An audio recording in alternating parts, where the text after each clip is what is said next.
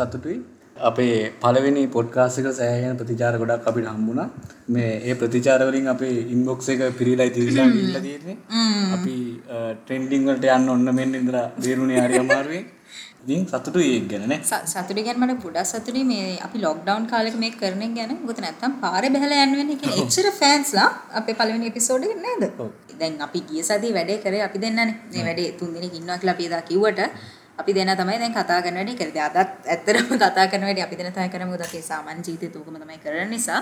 හැබැයි අපිත් එක්ක තව දෙන්නෙක් ඉන්නවා මේ අද වැඩේදී එකතු වෙලානේ. ඒ දෙන්නට තියෙනවා පොඩි මේ අපි දීලා මාර ස්පෙસિෆික් ටාස්ක් එකක් අද දවසේ කරන්න නේද කලා? ඔව්. يعني මැද්ද පාරේ අපි අරන් යන වැඩේ ඒගොල්ලන්ට බාර දීලා තියෙනවා. බාර දීලා තියෙන මොකද මේ අද අපි කතා කරන්නේ ටොපික් එකත් එක්ක මේ අපි ඒ කියන්නේ ගොඩාක් පොසිටිව් වෙයි කියලා කියන්නේ ඒගොල්ලන්ට බය කියන්නේ අර මම සමහර මිනිස්සු ඉන්නවා අපි දේවල් ගැන හොඳම දකින්න ගත්තාම ඒක කෙනෙක් හැමතිස්සෙම පොසිටිව් බලන්න ගත්තාම මිනිස්සු කියන්නේ නේ. අපිට ඇඩ්වයිස් කරන අයත් කියන්නේ. එහෙම පටන් ගත්තාම සමහර කලා කිය හොඳ දකින්නවා කියලා දකි දැකින්නේ ඉවරයක් නැහැ. හොඳම තමයි දකින්නේ. කියන්නේ වැරදි හොන්නම් බෑද මේ දෙන්න ඉන්නේ අපිට පොඩ්ඩක් මේ නෑ නෑ සමහර තැන්වලදී වැරද්ද වැරද්ද හැටියට දකින්නේ කියලා කියන්නනේ.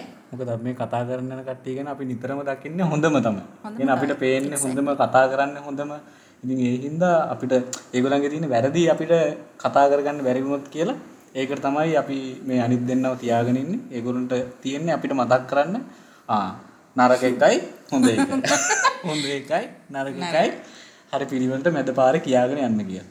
මොකද මේ අද අපි කතා කරන්නේ අපිට ගොඩාක් ළඟින් ඉන්න. අපිට ඉඳලා බැරි හැබැයි නැතුව කොහොමත්ම බැරි අපේ ආදරණීය ක්ලයන්ට්ස්ලා ගැන.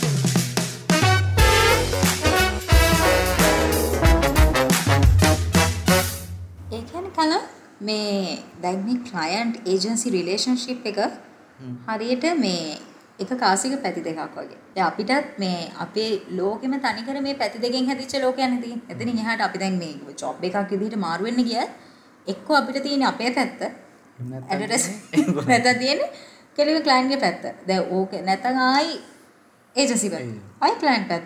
ඔතනින් එහාට අපි ආයි හිතන්නේ නේද? ඔයා කීපාරක් මාරුනාද?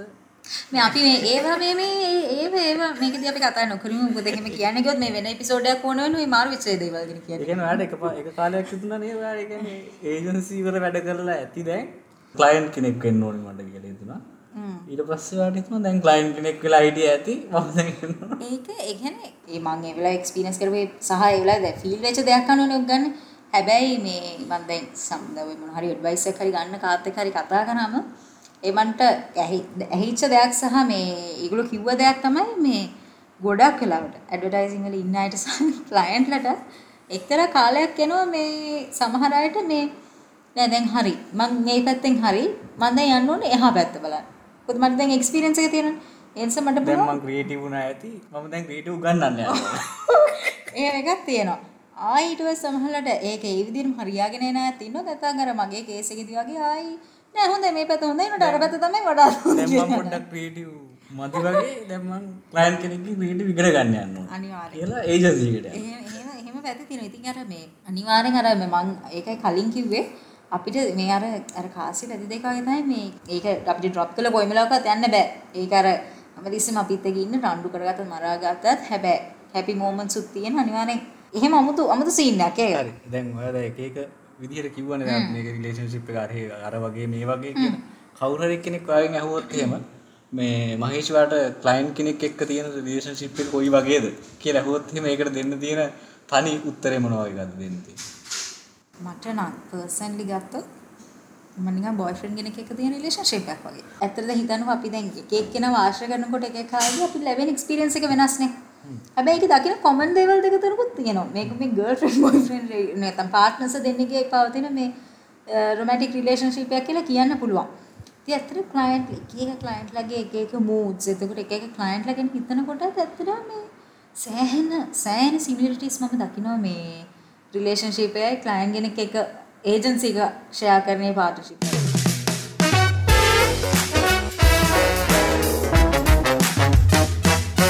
හැබැයි රිලේෂන්ෂිප් එකේ ඉන්නකොට සිය පාරක් විතර බ්‍රේක් අප් වෙන්න බලනවානේ. දැන් මේක හරියන්නේම නැහැ. දැන් මං යනවා. දැන් මං ඉන්නෙම නැහැ. ඔහොම දැන් ඔය ඔහොමනේ.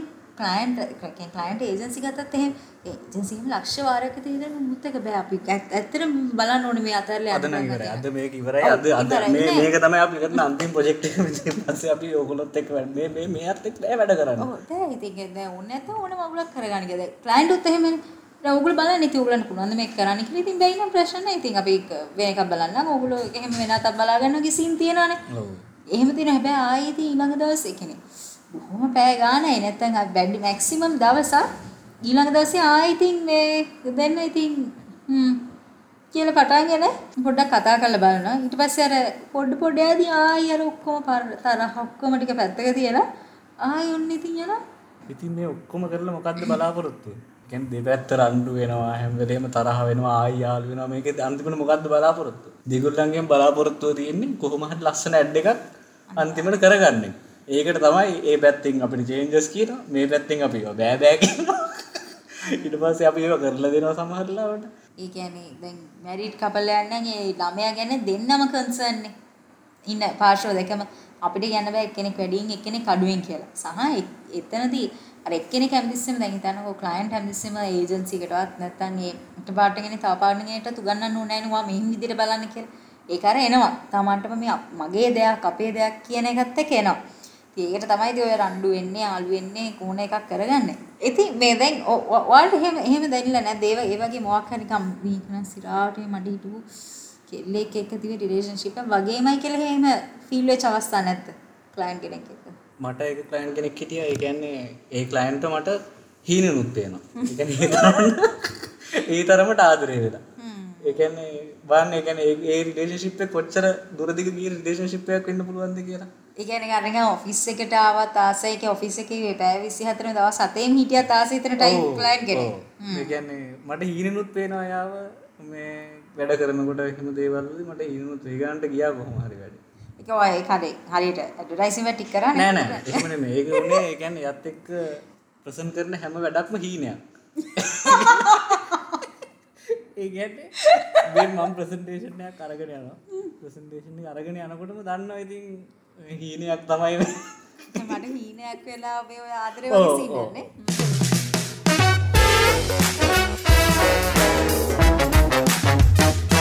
සමහර රිලේෂන්ෂිප් තියෙන්නේ කියන්නේ අපිට දැන් ඒක රණ්ඩු වෙලා අරවා මේවා කරලා රිලේෂන්ෂිප් දෙක තුන අතරින් පස්සේ ඊට පස්සේ සෙට් වෙනවා.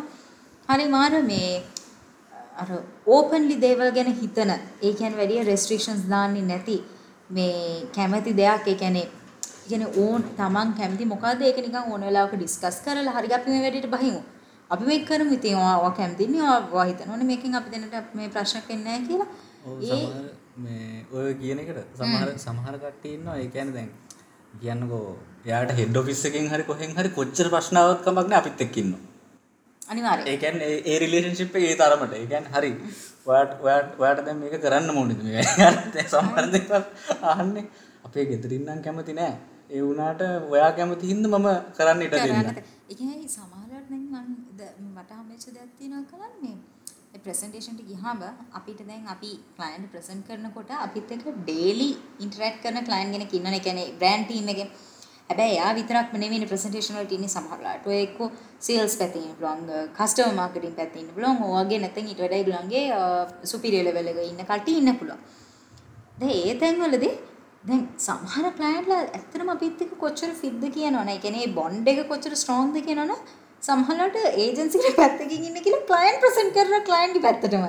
ඒ කියන්නේ එච්චර ඩිෆෙන්ඩ් කරලා මේ අයිඩියා එක නෑ මෙහෙම කරමු කියලා. ඇත්තට එහෙම ක්ලයන්ට්ලත් එක්ක වැඩ කරන්න හම්බෙන එක මාර මේ බ්ලෙසින් එකක්.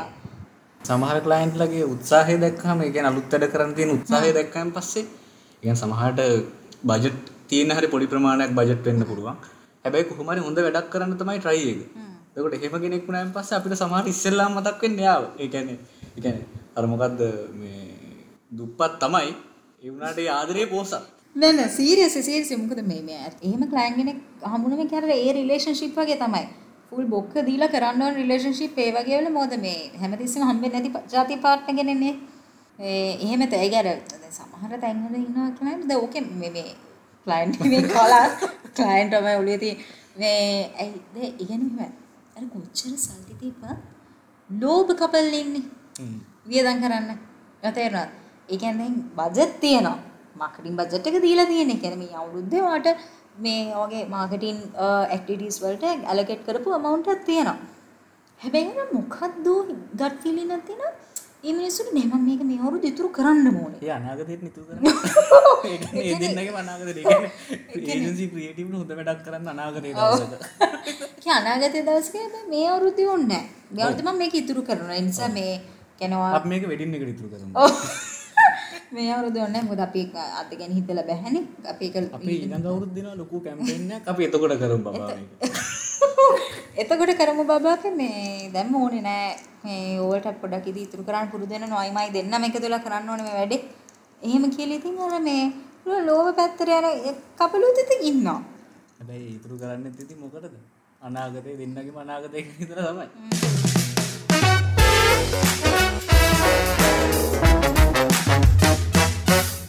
මේ හැබැයි කලින් මේ මට මතක් වුණේ ඒ රිලේෂන්ෂිප් සිද්ධි වලදී වගේ මේ හැමෝම කරනවා කියලා කියනවා නෙමෙයි මං කියන්නේ. ඉතින් සමහර අවස්ථාවලදී එහෙම එහෙම නොකර බැරි වෙනවා කියලා කියනවා. ඒක ඒක ඇත්තට හොඳ එක්ස්ප්ලනේෂන් එහෙම නොකර බෑනේ අනේ කියන්නේ අර නිකන් එක එක එක්ස්ටර්නල් ෆැක්ටර්ස් කියන්නේ මාව මට කරන්න සැලැස්සුවා. මං කරේ නැති සින්නන්නේ හ්ම්. කියලා දැන් රිලේෂන්ෂිප් වල උනත් දැන් අපේ මේ මේ හොඳට රිලේෂන්ෂිප් එක තියාගෙන යනවා.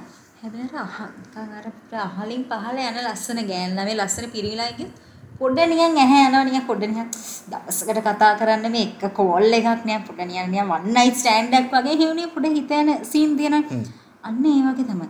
මේ ඒජන්සි ගත්ත එක්ක කැම්පේන් ගානක් කරලා තියෙනවා. ඒ අවුරුදු ගානක රිලේෂන්ෂිප් එක. හැබැයි හිටපු ගමන් අර පොඩක් පිට යන්න බලනවා. නිකන් දැන් මේ චූටි වැඩේ පොඩ අර ඒජන්සිට දීලා බලනවා කොහොමද එයා- මේ වැඩේ කොහොම කරයි? ඔයා කොහොමද? ඉතින් මට පොඩ ආසත් එක්ක ඇත්තේ පොඩ වැඩ කරලා බලන්න. කියන්නේ යා හොඳද නරකද කොහොමද දන්නේ ඉතින් නැතද හැමදාම එකම එක්කෙනා අන්න එහෙම පොඩක් මේ කුඩු පයින් එහෙම ඇතෙත් තියනවා ඉතින් නේ? ඒ වගේ වෙලාවට නම් ඉතින් කරන්න ඕනේ වෙන මුකුත් නෙමෙයි. ගිහිල්ලා එන්නකෝ බලන්න. කියලා තමයි කියන්නේ. ඕ නේ? කියනවා ආ බලන්නකෝ මට මාව මතක් වෙයි. කම නැහැ. ගිහින් බලලා එන්නකොට හොඳ නම් හොඳ දෙයක් බබා නේ? හරි හරි. අපි නම් මේක අපි දන්නේ වගේ ඉන්නවා. අනේ අනිවාර්යෙන් ඉතින් කලන් දැන් අපි ඇත්තටම අද මේ එක එක ජාති ක්ලයන්ට්ලා ගැන කතා කරානේ කොහොම කරත් අපිට තේරෙනවා අර අපේ තියෙන මේ සීරියස්ලි ලයිෆ් එකේ තියෙන රිලේෂන්ෂිප් එකක් වගේම තමයි ඒක වෙනසක් නැහැ. ඒ කියන්නේ ওই පැති දෙක තමයි තියෙන. ওই පැති දෙක නැති වුණොත් ওই රිලේෂන්ෂිප් එක තියෙන්නේත් නැහැ. හැබැයි පැති දෙකත් එක සමහරට මිනි මරගතට යාළු වුණාට ඒක තියෙන්නේ හරි අමුතුම මේ මෙව්ව එකක්නේ. ඒකට කියන වචනිකුත් නැහැ. මෙව්ව එකක් කියලා තමයි කියන්න තියෙන්නේ. අය අපි අහන් ඉන්න අයටත් මේ මේ වගේ මාර පට එක්ස්පීරියන්ස් ඇති ඒගොල්ලන් ක්ලයන්ට් එක සමහර කියන්නේ ඕගොල්ලන්ට නම් ගම් මෙන්ෂන් කරන්න බැරි වෙයි. හැබැයි ඕගොල්ලන්ට පුළුවන් අපිත් එක්ක ඒ කතා ෂෙයා කරන්න. මොකද අපි එදත් කිව්වා වගේ ඕගොල්ලෝ ආසම ක්ලයන්ට්ලා ඕගොල්ලන්ට හොඳම වැඩ ටිකක් කරන්න හම් වෙච්ච ක්ලයන්ට්ස්ලා ඉන්නවා නම් ඒගොල්ලන්වත් මෙන්ෂන් කරන්න අපේ වල. ක්ලයන්ට් කෙනෙක් වෙන්නවනම් ඒ ක්ලයන්ට් අමතක කරන්න එපා අමතක කරන්නේ මොකද ඒතර ක්ලයන්ට් දැනගනි වගේ හිතේ තියෙන ආදරය ගැන නේ.